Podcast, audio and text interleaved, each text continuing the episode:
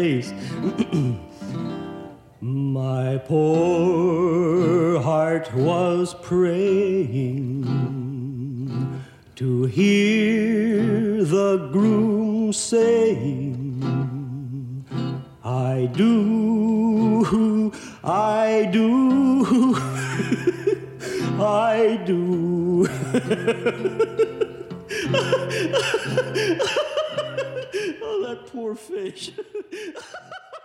Ég sá alltaf fyrir mér að pappi myndi leiða mig inn kirkjugólfið til að gefa mig einhverjum og ég myndi líta á hann gegnum kvítt slörið og við myndum bæði næstum því skella upp úr að því við myndum bæði hugsa um þetta lag upp á alls lagið okkar. En það gerðist aldrei. Til að fyrirbyggja miskilning er best að komi fram að pappi minn er sprell levandi og geti sem best gefið mig einhverjum ef til kemi en mér finnst hardla óleiklegt að það eigi eftir að gerast. Ég hef samt einu sinni rugglað mínum mikilvægustu reytum við keftum okkur íbúð, eigum tvö börn og fjárfestum þannig bæði efnislega og tilfinningarlega saman og hvort í öðru. Við byggum saman, ferðuðumst saman, unnum meira segja saman á tímabilum, deildum lífinu. Íðulega fengum við spurningar frá fólki um hvenar við ætluðum nú eiginlega að gifta okkur. Og þegar við spurðum af hverju við ættum að vera því, var svarið það væri bara svo miklu betra. Okkur fannst það hins vega að virka eins og fullkomlega ónauðsynlegt vesen og við vorum ekkert fyrir vesen, þó hugmyndir um gott parti hafa alveg verið freistandum tíma. Við vorum skráð í sambúð og nutum flestra réttinda sem gift fólk nýtur. Einu annmarkarnir sem við vissum á því fyrirkomulagi var að ef annað okkar myndi deyja, gæti kannski orðið eitthvað óljóst erðavesen. Og lengra náðu súpæling ekki. Eftir nýju ár kom að því að við vildum ekki vera lengur saman. Sásökufull ákverðun en tekin í samlendi og eftir einfaldan fjárskipta samning og eitt viðtal við síslumann um lögheimili barna vorum við laus flestra mála við hvort annað, í ævarandi vinsamt og verðingu. Síðan þetta var, hef ég oft hugsað, mikið er í fegin að við vorum ekki gift. Þá hefðum við þurft að byrja á því að skilja að borði og sengi sex mánuði hvað sem það nú þýðir, eða játa á okkur sveik eða ofbeldi til þess að fá leifi til að afrugla reytum okkar. Það hefði tekið mörg ár og alls konar vesen. Út á þessum pælingum og í framhaldi af háskólagráðu í ástarrannsóknum leituðu nokkra spurningar að ég oftar á mig. Hvað fælst í hjónabandi? Ef það að vera í sambúð veitir eiginlega öll sömu réttindi á hjónaband. Af hverju giftist fólk þá? Er það raunverulega svona miklu betra? Hvernig er það betra? Er hjónabandið æðista staðfesting okkar göfugustu tilfinninga, hornsteinn samfélagsins eða bara lögformlegur samningur um ást og uppvask? Til að fá svar við þessum spurningum talaði ég við prest, ástarfræðing, félagsfræðiprófessor, guðfræðilegan siðfræðing, hjónabandsráðgjafa, lögfræðing, alls konar hjón, brúðköpsplötusnúð, alþingismenn og marga fleiri. Úr því varð þessi þáttaröð ef þú giftist. Ég skal gefa þér blóminn blá og boltan minn skaltu líka fá Ef þú giftist, ef þú bara giftist, ef þú giftist mér Ég skal kaupa þér kökusnúð með kardemommum og sykur húð Ef þú giftist, ef þú bara giftist, ef þú giftist mér Árþúsundum saman gengdi hjónabandi ákveðinu hlutverki. Fólk giftist eða var látið giftast til að sameina landskika eða aðrar nýtjar, sætta ósátta ættbolka, konur voru giftar langt út úr heimahögum til að tryggja fjölbreytileika í genasamsetningu, hjónabandið var eini leifilegi vettvangurinn fyrir kynlíf og nátengt íhaldsömustu stopnunum samfélagsins. Í þá daga var romantísk ást svo sannarlega ekki hluti af hjónabandinu Hún var uppreysnar afl gegn þessari skipulögðu frjósemi og laun romantískrar ástar var dauði. Samanber Tristan og Ísold, Orfeus og Evridísi og Rómeu og Júliu sætlaminninga. Á 20. öld og fram til dagsins í dag hefur hvert víi hjónabandsins á fætur öðru fallið. Æ fleiri kjósa að stopna fjölskyldu og ruggla saman reytum án þess að ganga í hjónaband og þar með er fyrri tilgangur þess, eignablöndun og frjósemistjórnun fókin út í veður og vind. Kerfið vil samt endilega að fólk sé gift og þeim sem eru bara í sambúð er mismunað í lögum. Hjónabandið og hugmyndin um það er í dag fullt af þversögnum en þó um leið en þá einn sterkasti hornsteitt samfélagsins þar sem það er æðsta byrtingarmynd fjölskyldunar. Hjónaband er mikilvægasti og flóknasti samningur sem flestir gera á æfinni en það snýsta bæði um þak yfir höfuðið, öryggi afkvæma og félagslega stöðu.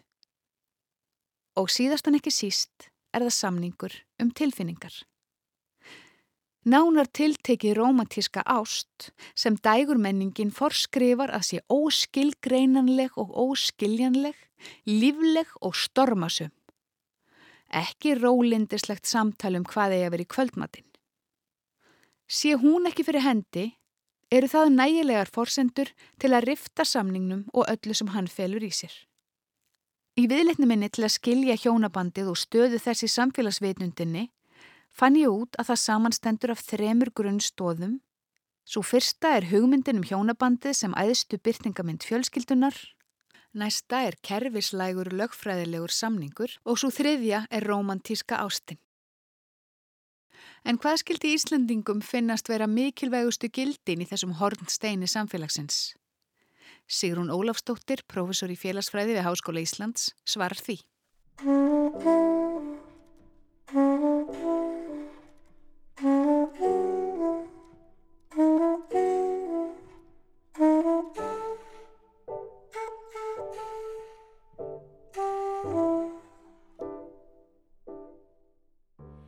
Þetta er rannsókn sem ég er að gera með Berglindi Rós Magnúsdóttur sem er professor á mentavistasviði Háskóla Íslands og við erum þarna sérstaklega að beina sjónum að því hvernig við þorf Íslandinga til þess hvernig gott hjónaband eða hvað enginni gott hjónaband hefur breyst á síðustliðnum, já, hvað 40 árum.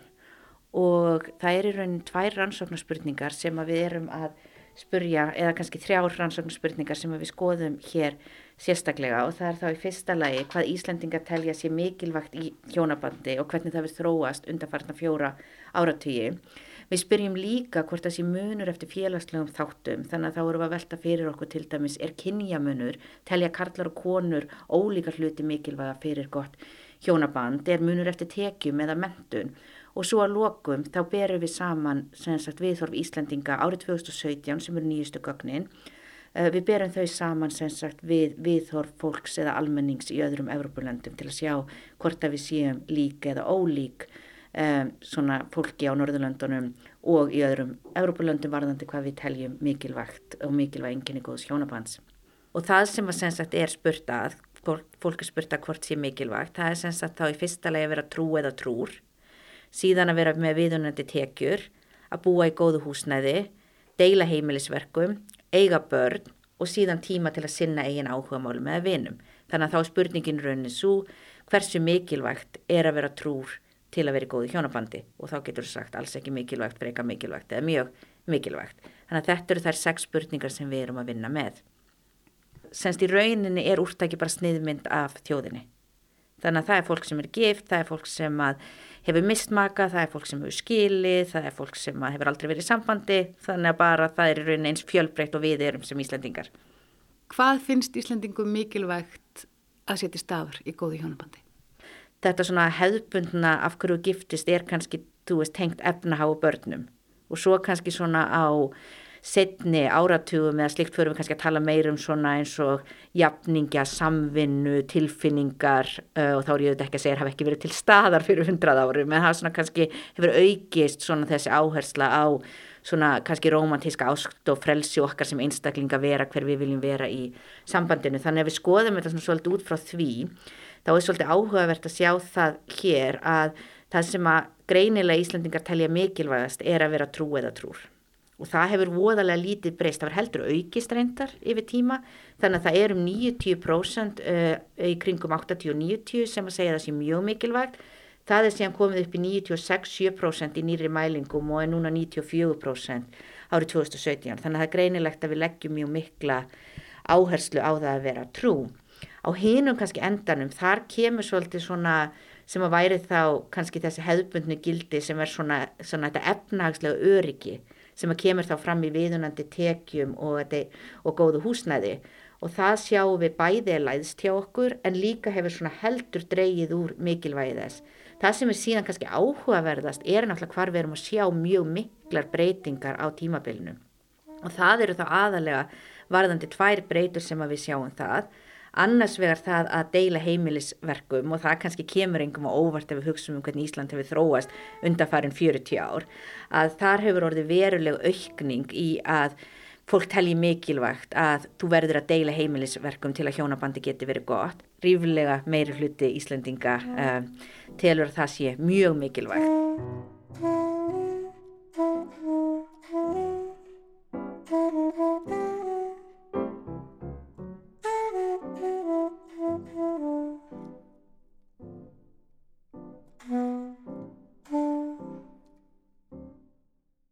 Hínbreytingin sem er kannski líka sérlega áhugaverð er áherslan á að þurfa eiga börn til að vera í góði hjónabandi og þar sjáum við að það hefur dreyið mjög verulega úr þeirri áherslu sem eru auðvitað kannski samfara bæði þeirri þróun að dreyið hefur úr barnegnum bara almennt sem við sjáum í tölum en líka kannski aukna orðræðu um að það sé ásættanlegt til dæmis að velja það að kjósað eignast ekki börn. En hvernig komum við út í alþjóðlegu samingi fyrst við höfum þennan dýrmæta möguleika á að bera okkur saman með að við höfðatölu? Þar í rauninni sjáum við mjög skýr minnstur fyrir Ísland og í rauninni miklu skýrari minnstur heldur en fyrir margar aðrar þjóðir því að við verðumst vera með þrjá þætti þar sem við verum mjög há í þessum alþjóðlega samfyrði. Við leggjum meiri áherslu á það heldur en almenningur í flestum öðrum löndum og svo erum við þrjá þætti þar sem við leggjum minni áherslu á heldur en í flestum öðrum löndum. Og kannski að byrja hér með spurningunum að vera trúr og mikilvægi þess að vera trúr. Og kannski þegar fólk heyrir þessa tölur þá hugsaður bara nýjum þetta nú bara grundvallar stóð hjónabansins en þegar við skoðum það í, alþjóðlega samabörðinum þá er í rauninni bara almenningur í tveimur þjóðum sem er eru sem sagt hærri en við. Þannig að við erum þar Mér slegilegt að tala svona um sæti þegar við erum að tala um aðlæðilega kannanir en það stundum svona er þægilegt að gera það þannig að við komum þá þriðju hæðist í rauninni. Og öll Norðurlöndin til dæmis eru fyrir neðan okkur sem við erum líka nummer þrjú í að báðir sinni heimilistörfum. Og svo að lokum kannski spurningin sem fellur svona svolítið inn í þennan flokk er þá kannski að hafa tíma fyrir eigin vini og áhuga mál og þar erum aðeins lægri en samt semst 5 og við erum náttúrulega háð þar. Þegar við skoðum að móti það sem er síður mikilvægt, þá förum við svolítið í að kannski skoða frekar svona þessa, já við viljum kalla hefðbundna eða svona kannski efnahagslega forsendur hjónabands, þú veist, ef við hugsun bara, þú veist, fyrir hundrað árum af hverju giftist fólk, oft náttúrulega efnahagslegum ástæðum og til eiga börn og við sáum það svona kannski sem grundvallar stöðir hjónabandsins.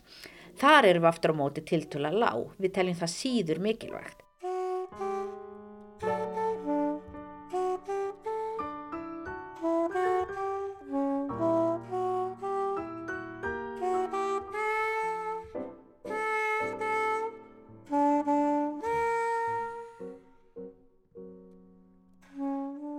Skoðum svona þessar svona hefðbundnu bakgrunnsbreytur eins og við köllum þar eins og kannski aldur, kyn, mentun, tekjur, fjölskyldustöð og búsettu. En fyrsta sem að kemur fram og kemur kannski ekkert rosalega óvart er að við sjáum aldursmun og við sjáum þá kannski meiri áherslu hjá eldra fólki á það sem ég var að tala um sem þessi svona hefðbundnari gildi, áherslun á tekjurnar, góða húsnæð og börnin. Þannig að þar sjáum við eldra fólk er líklæra heldur en yngra fólk að leggja áherslu á að þessir hlutir þurfa að vera til staðar fyrir gott hjónaband.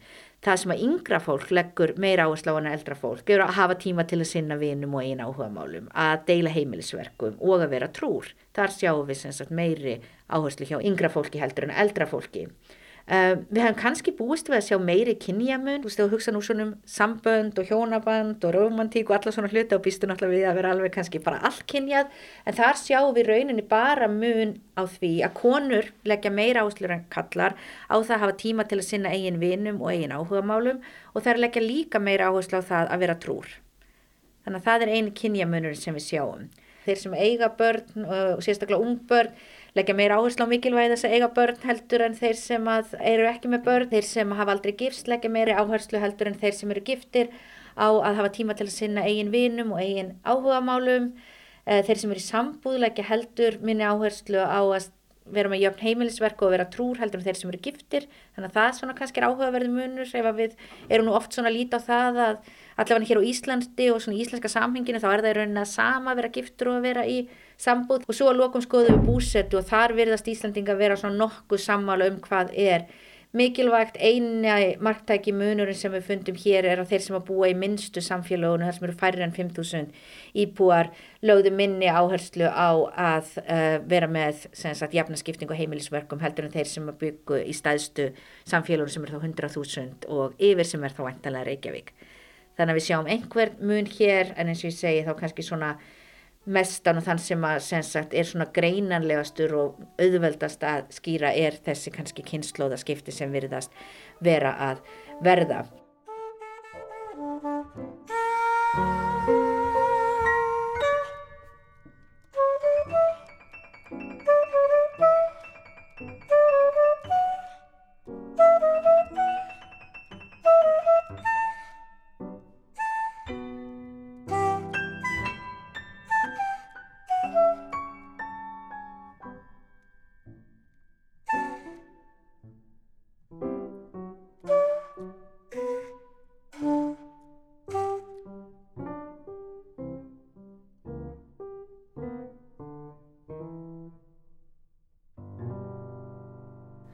Samkvæmt niðurstöðum þessar alþjóðlegu könnunar eru Íslendingum í dag tryggð og sjálfstæði mikilvægust af öllum gildum hjónabandsins á kostnað efnisleira gæða. Við viljum vera bæði romantísk og sjálfstæð. En hjónabandið er ekki bara eldingalegur við tilfinningar, heldur harðkjarna, alvarlegur, lögfræðilegur gjörningur. Hrefna Fridriksdóttir, prófessor í fjölskyldu og erðarétti, var til í að ræða um lögfræðilegar hliðar hjónabandsins við mig.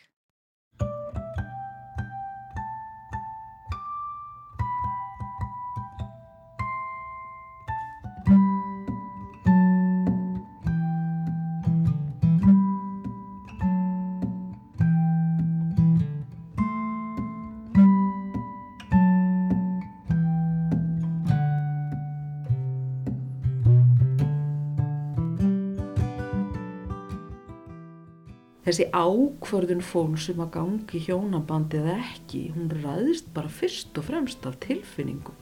Tilfinningum fyrir einhverju, einhverju skuldbindingagildi og einhverju samstuð. Það er einhvert ástand sem fólk óskar að ganga inn í. Lang, lang fæstir er að hugsa þetta á þessum lagalegu og praktísku nótum. Það mögulega svífur einhver staðar yfir vatnum að þetta sé einhvern veginn lagalega betra en, en ég held að fólk upp til hópa átti sér ekki nú skapaðan hlut á þessum réttaráhrifum raunverulega.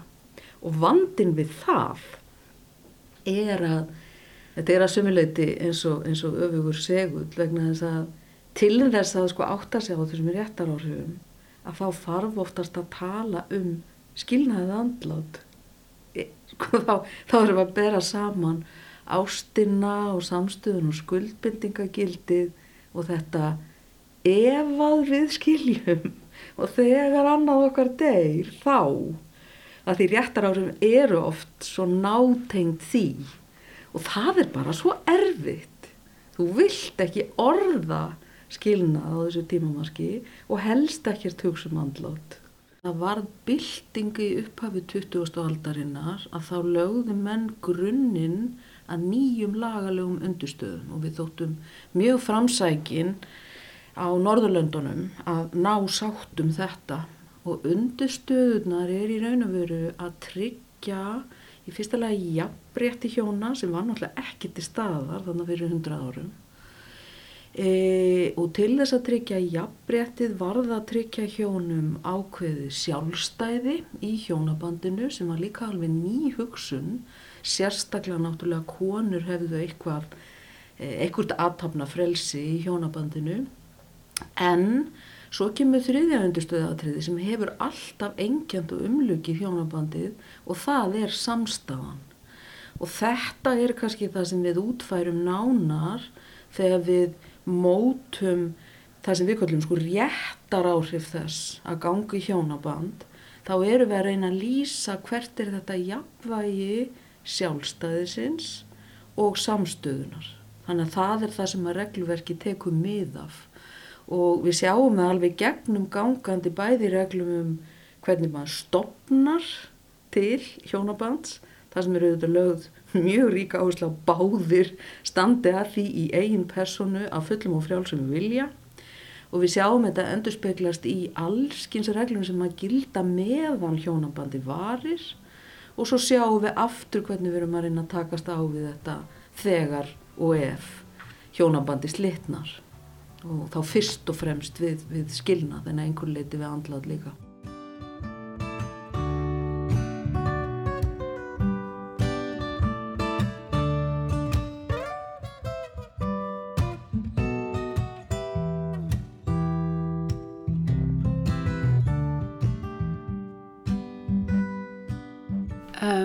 Nú er, fólki sem hefur verið í sambúð lengi kannski og á saman börn og svo framvegis því er ofta ráðanlegt eindreið að gifta sig. Af hverju?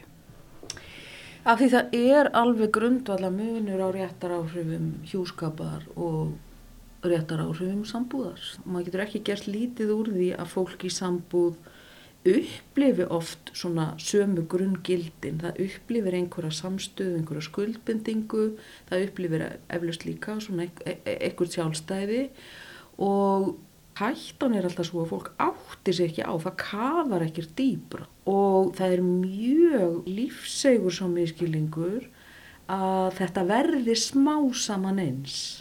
Ég held að flestir gerir sig grein fyrir því upphafi þegar þeir velja sambúð að þetta sé alls ekkert eins og þeir velja kannski einmitt sambúð að því að þeir hugsa sér það er svona lausar í reipunum, það er ekki sama skuldbindingin en svona þess að prófa okkur áfram, við getum bara farið í þetta og farið úr þessu án mikill að fyrirhafnar.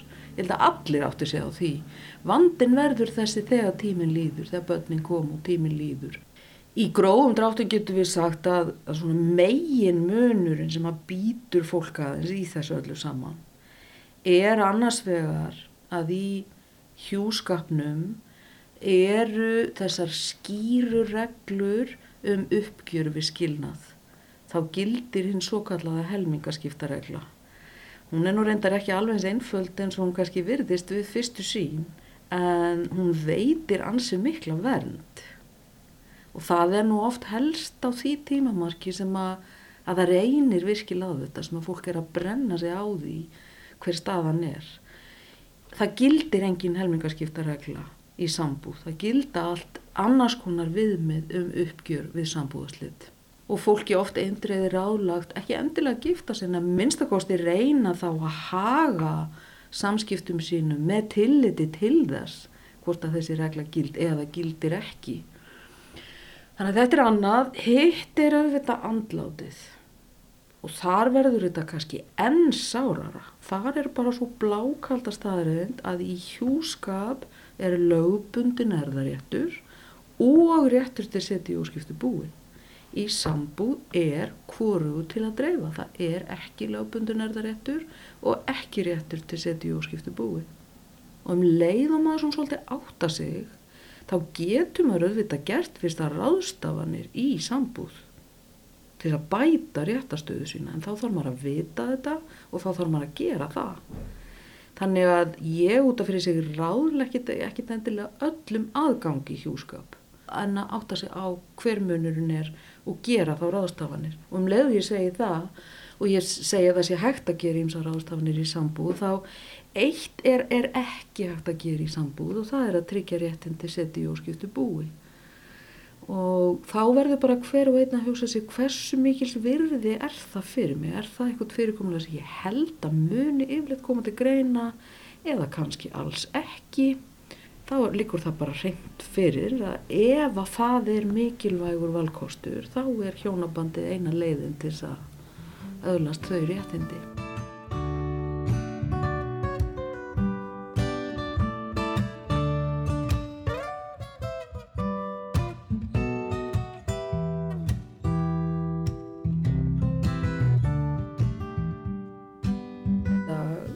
Löggefin alveg ákveðin í því það eigi að vera munur á hjónabandi og sambúð og munurinn á meðal annars að liggja í einhvers konar skuldbindingagildi og þar með ríkari áhrifum, frekari réttindum og skildum og sambúðin eiga einhverju leiti að skapa minni réttindi og skildur. Þannig það má segja ef við hugsaum um óskipt bú að þá í hjónabandinu þá eru hagsmunir hjónana að einhverju leiti látni ganga framar hagsmunum barnana og hugsunin þá er svolítið svo að vegna þess að það lögður rík áhersla á samstuðu hjóna meðan hjónabandi varir að, að þá er bara gengið út frá því að hjónin hafi í flestum tilvíkullum staði saman að uppbyggingu egna að einhverju leiti eða treyst á egnir hins, egnir begja og það sé fyrst og fremst þeirra hagsmunir að fá að njóta þessa umfram hagsmunni barnana. En þá er hugsunin á móti fyrir sambúða fólk að, að, að þar hafi kannski verið meira sjálfstæði, að því það verður að greina á milli svona, segi, skuldbindingagildiðir í hjónabandinu um leið meiri samstaða og svona lausar í reybónum í sambúð Þannig að hugsunin er svolítið að þeir sem velja sambúð séum leið að velja meira sjálfstæðir, svona svolítið meira kannski hvort um sig, sé að hafa lífi sínu og svona og, og velji sér einhverja eins, eins og minni samstöðu og, og það fólk þá vil ég vil ég kannski frekar forgangsraða hagsmunum barnana sinna heldur en eftirlifandi maka. Það er hugsun lögjafans, hvort að þetta endur spekla svo í hugsun fólks í samfélaginu er gríðarlega erfitt að segja og ég lefi mér nánast að fullir það að í mörgum tilgum gerir það einmitt alls ekki þar að segja sambúða fólk hagar tilfinningarlifi sínu og samstöðu með mjög svipuðum ef ekki sama hægt eins og hjón. Og fólk missi sjónar á þessum mun. Það er einhvern veginn það ég held að margir í sambúð þeir sem eru búin að vera í sambúð í ákveðin tíma og eftir að börnin koma og eignirnar koma og þá er fólk ég, bara ég heyri svo marga talina það, það er búið ákveða gangi hjónaband það ítir því bara undan sér það er eitthvað aðeins meðvitað um að það sé eitthvað aðeins betra og það vilji, finnist það tryggara, það finnist það örugara en það finnur einhvern veginn ekki rétta tímabúndin og það er kannski einn svona áskorunir sem við stöndum frammi fyrir að hvernig getur við aukið einhvern veginn þekkingun á þessu og hvernig getur við fengið fólk til þess að velta fyrir sér réttarstöðu sinni, ég verða að nota svona formlegt orð, um leið og við leifum samstöðun eða skuldbindingagildin eða ástinni, getur við sagt, að umleikja þessar ákvarðanir. Hvernig getur við gert það sjálfsagðara að það verði ekki eins og, og skammar yrði að að lesa smáaletrið á hún og tekur þessar ákvarðanir og partur af því er auðvitað að fá fólk kannski til þess að það, það fólk þá sem ákvör að gangi hjónaband að fá það til þess að að greina í sundur sjálfa hjónavíkslun eða stopnun hjónabandsins og svo allt skrautið í kringum það.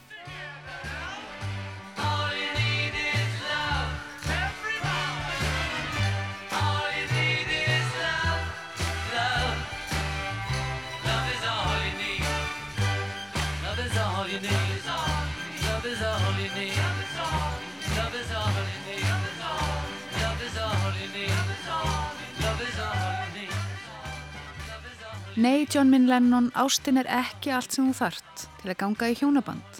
Því hjónaband er löglegur samningur sem snýst um miklu meira en bara ást.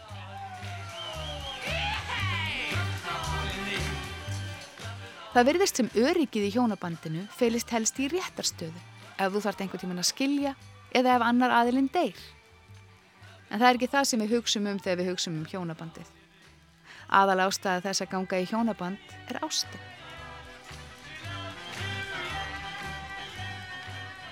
Ástin verður ekki skilgreind, hún er ekki bein lína, hún er óáþreifanleg og óútskýranleg, hún er bara tilfinning.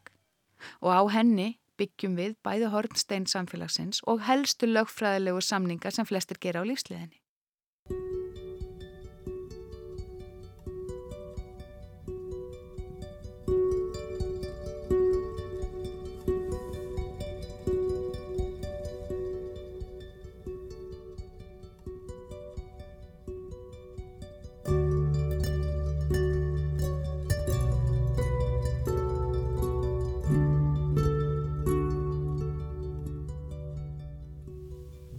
Berglind Rós Magnúsdóttir, uh, profesor á mentavísindarsviði og ástarfræðingur. Hvaða hlutverki gegnir romantísk ást í hjónabandinu? Já, þetta er nú aldeilis mikilvæg spurning. Ég hugsa að hún sé auðvitað leiðandi afl hjá mörgum en alls ekkit öllum. Hjónaband getur auðvitað verið bara hagsmuna samband og uh, og það eru auðvitað stundað í dag eins og alltaf hefur verið gert að fólk kemur sér saman um hluti og, og ákveður að byrja saman eða en svo eru aftur uh, aðrir sem að hafa romantísku ástuna mjög miðlæga í, í sínum tengslum.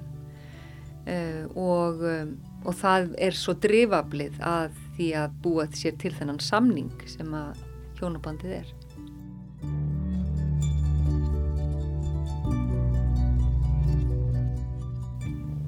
Romantísk ást er uh, tilfinning sem að ég hef mitt verið að uh, spyrja fólk í, í, í um, minni rannsók um, hvernig lýsi sér og hvort fólk hafi upplifað.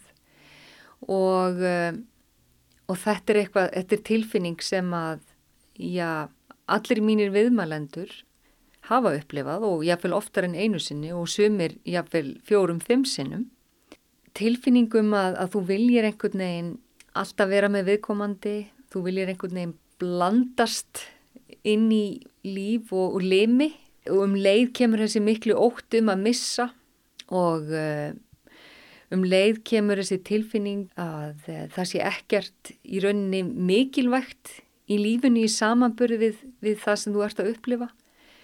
Allt annað verður nokkuð hjáróma En þetta er auðvitað tilfinning sem að mjög erfitt er að viðhaldi í langan tíma og, og já, við myndum náttúrulega bara ekki vera með öfluga atvinnustarfsemi hérna í landinu ef að fólk væri lengi inn í þessari tilfinningu. En þetta er svo tilfinning sem að grýpur fólk og sem fólk lýsir sem romantískri ástartilfinning.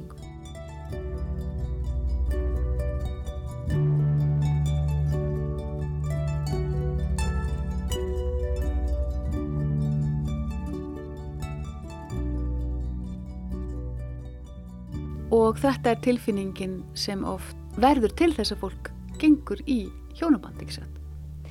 Jú, algjörlega, sérstaklega ef að fólk gengur í hjónaband innan tveggja ára frá því það tekur upp samband, þá er þessi tilfinning jáfnvel ennþá svona yfirþyrmandi.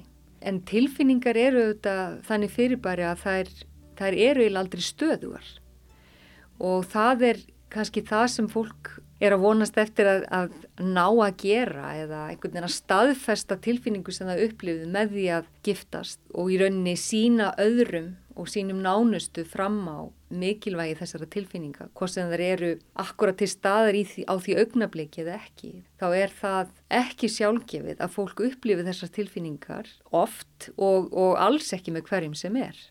Þannig að þetta eru auðvitað viðburður í lífi fólks og vegna þess að við erum orðin í rauninni fjárhagslega og félagslega sjálfstæð flest allir fullotnir einstaklingar, bæði konur og kallar þá getum við sett tilfinningarnar svona miðlagt í okkar líf. Þá getum við einhvern veginn miklu meira verið að velta okkur upp úr einn tilfinningum og njóta tilfinninga. Þannig að auðvitað er það miklu meira þannig í dag að fólk er að gifta sig og taka upp sambönd vegna tilfinninga en ekki vegna einhverja fjárhagslegra uh, hagsmuna eða við stjórnumst meira af tilfinningum núna heldur en áður. Og þess vegna líka er meira um skilnaði og meira um reyfingar inn á um, ástar vettvanginu. Af því að fólk er tilbúið til að hlaupa eftir tilfinningunum sínum. Já, það var einmitt næsta spurning. Hvernig gengur fólki að viðhalda þessum tilfinningum?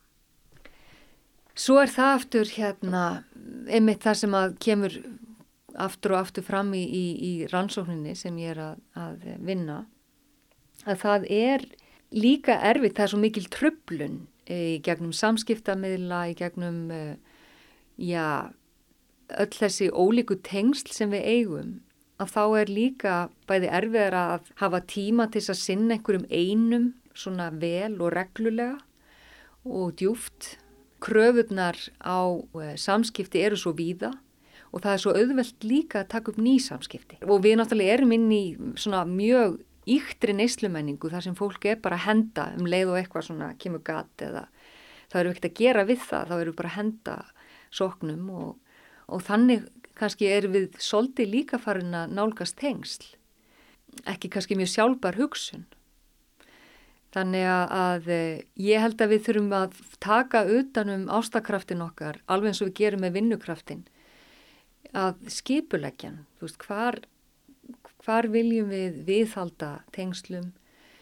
Hvar erum við að eigða ástakraftinum okkar? Viljum við endilega eigðunum þar?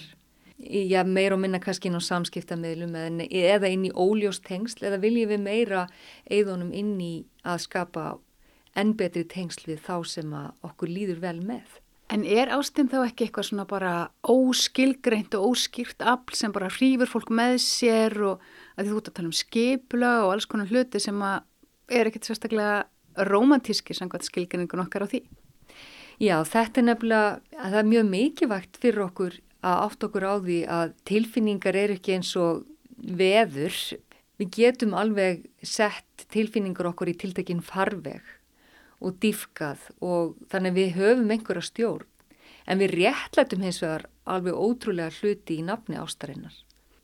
Já, til dæmis eins og að yfirgefa einstaklinga af því að viðkomandi sem við erum að hitta uh, vill ekki að við séum í tilteknum tengslum rjúfum vinatengsl, tengslu börn eða foreldra og svo framvegis. Og það eru auðvitað harmurinn sem að getur skapast af í ákveðnum ránkugmyndum líka um, um ástina. Og við þurfum að passa okkur á þeim. Við vitum að það er ímislegt gert í nafni ástar eða nafni trúar en við eigum ekki að kenna samt ástinu um það. Við þurfum einhvern veginn að afbyggja þessar mýtur.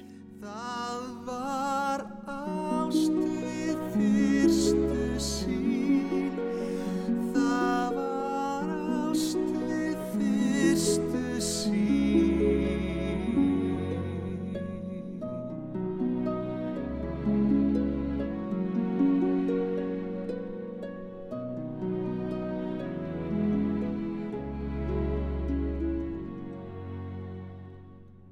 Kæru Pállaskur og Mónika, ég þarf að reykja ykkur með því að ást við fyrstu sín er heldur ekki nóg til að viðhalda hjónabandi. En hvað skilgreinir hjónaband? Og er kannski hugmynd að skilgreina það út frá því sem það er ekki? Solveig Anna Bóastóttir, profesor í Guðfræðilegri siðfræði við Háskóla Íslands. Hver hefur þú verið að velta fyrir þér í sambandi við hjónabandið? Ég fór að velta hjónabandinu svona alvarlega fyrir mér þegar að eh, umræðan um eh, samkynheiða og, og að þeir og þau hefðu áhuga því að ganga í hjónaband eh, kom upp.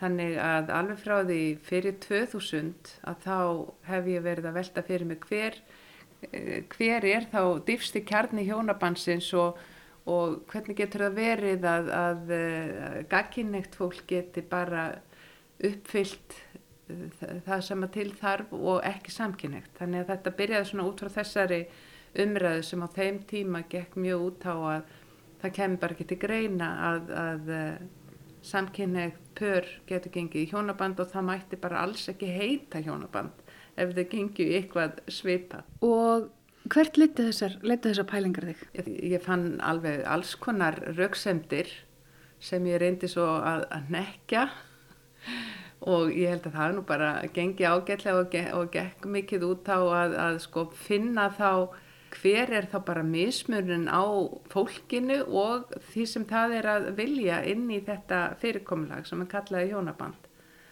Og í stuttum máli var, var niðurstaðan svo að það væri bara alveg ómögulegt að halda þið fram að við væri með einhverjar gjör ólíkar manntegundir sem að gætu ekki uppfyllt til dæmis það að elska hvort annað af, af hérna, heilindum og, og, og því líkt. Þannig að, að mér fannst að í raun og veru bara talaði veruleikin algjörlega gegn því að, að þetta væri svona að samkynnið pör get ekki gengið í hjónabanda því þau bara get ekki uppfyllt helstu svona kröfur um það. En þar var náttúrulega komið ljós að það var svo mikil, það var tvent sem var svo mikil áhersla löð á og það var annars vegar að Karl og kona væru ólík og að þau einhvern veginn smillus saman í svona eina lokaða skel í hjónabandinu. Það er svona tveir partar sem að lokuðust alveg perfekt í hjónabandinu af því að þau væru ólík og, og einhvern veginn þyrtu ákvört öðru að halda til þess að þau gætu uppfyllt hennan sáttmála hjónabandsins. En hitt var sem að mér komði alltaf óvart var það hvað var lögð rosalega mikil áhersla á að þau eru að geta fjölga sér og það var í raun og veru sko aðgöngu miði sem að bara ekki gekka hjónabandinu að fólk sem gæti ekki fjölga sér saman það hafði ekkert í hjónaband að gera þessar tvær, það voru svona tvær megin ástæðu sem ég fann svona í orðræðunni og ég bara gekk gegn hvori tveggja og taldi að hvort tveggja væri bara einskis nýtt í, í, í dag að halda, halda fram annars vegar þessum óbáslega eðlismun á, á körlum og konum og hins vegar að hjónabandi gengi út á það að geta börn og fæða þau og náttúrulega þetta alaði upp og allt það. Út af hvað gengur þá hjónabandið? Eða gengur ekki út á þessar, þessar tvent sem þú nefndir? Það gengur náttúrulega út á þetta að einhverju leiti, kannski ekki þetta fyrra að, að fólk sé sagt, eftir kyni hægt að einhvern veginn að segja til um hvernig það er einhverjir einleikar þess út frá kyni. Það held ég að ég vilja nú leggja til hlýðar en að sjálfsögðu hafa uh, samkynneið pör bara mjög svipaðar óskir og langanir um, um fjölskyldu og, og börn er mjög mikill hluti af því munurinn er bara sá að um þessa myndir þá, þá eru bara ymsar leiðir færar í þeim efnum. Löngunin og, og hérna, þráin eftir nánd og, og börnum og vera fjölskylda, hún er held ég bara mjög svipuð og rík hjá fólki, sama hvað kynniða tilherir eða kynnið. Nú færist í vöxt að fólk tekur saman jafnvel þegar það er komið á þann aldur að barnignir eru ekki möguleiki. Eru þau hjónabönd þá ekki gildi eða æskileg?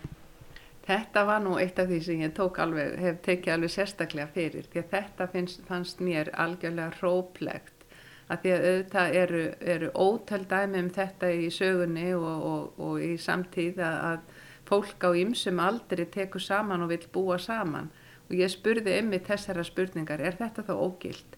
að ég höfði bara kannski skilja af því að þetta, þau get ekki uppfyllt þessa kjarnakröfu sem að lögðu svona ofbóslega áherslu á þannig að mér fannst þetta einmitt vera svona dæmi um að, að þessi jafna er ekki að ganga upp. Ef að við tökum þá þessar rauksemdir út, sagt, bæði það að Karla kona sé eðlisólík en kannski sérstaklega þetta hjónabandi sé fyrst og fremst einhvers konar fjölskyldu eining, heldur einhvers konar samband bandi að samhengi með tvekja einstaklinga. Hvað er þá hjónabandi? Já, þetta, þessi þriði hluti að tveiri einstaklingar geti verið hvort öðru mikilsvirði og verið samfélag og, og félagsskapur og, og uppbyggileg fyrir hvort annað.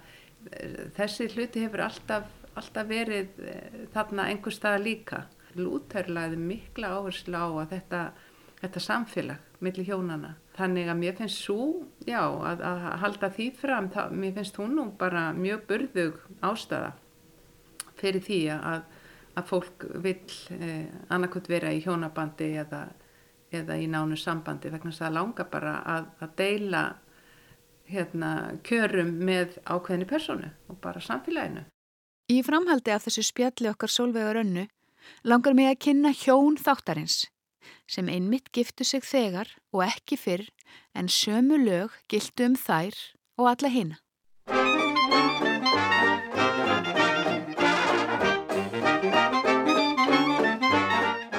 Hrafnildur Gunnarsdóttir og Harpa Másdóttir, þið hefur verið giftar í tíu ár.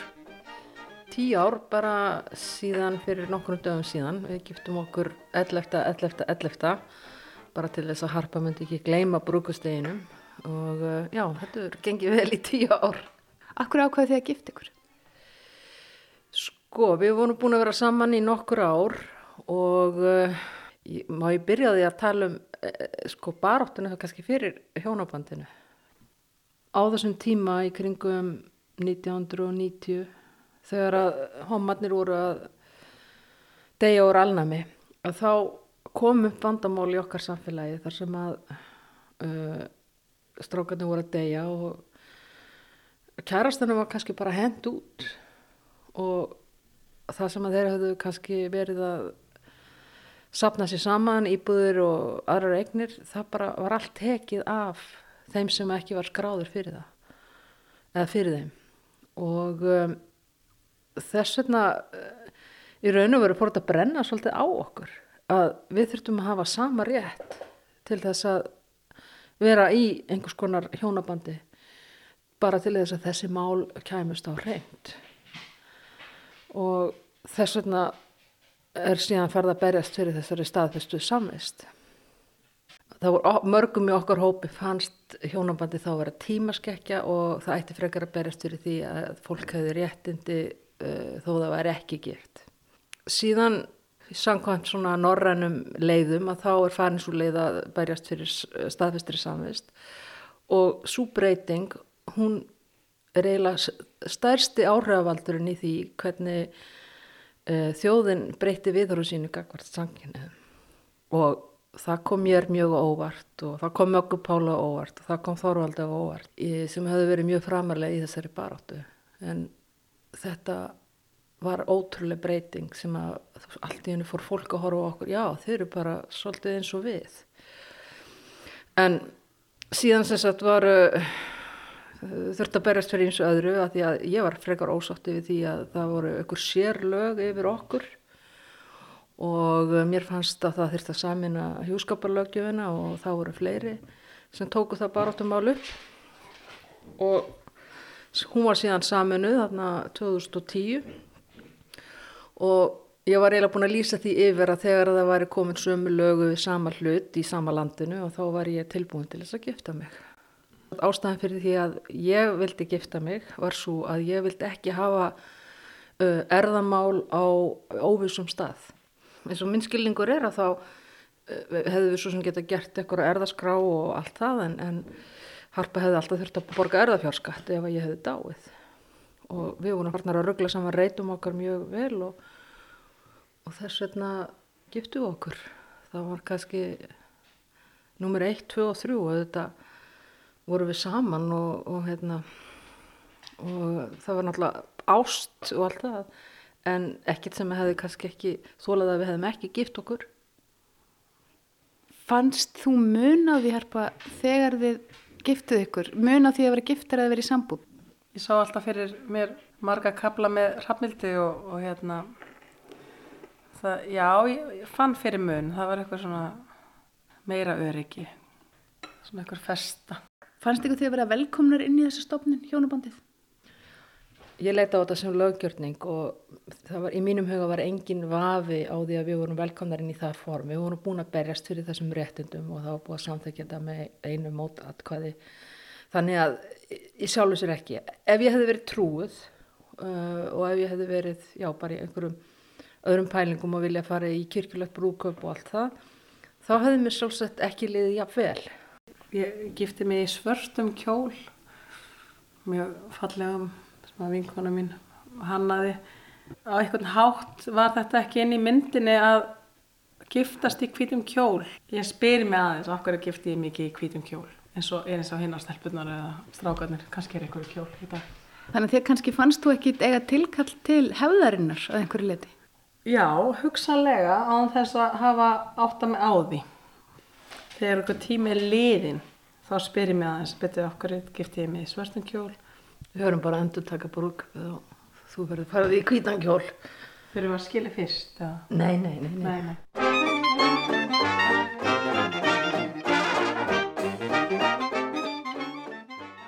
Í þessum fyrsta þætti af fjórum um hjónabandið höfum við leitast við að greina mikilvægi og merkingu þessa þrý eina samfélagsfyrirbæris og skilja af hverju það er enn við líði. Í næsta þætti ætlum við hins vegar að byrja á byrjuninni. Ég býð ykkur með mér í brúðkaup.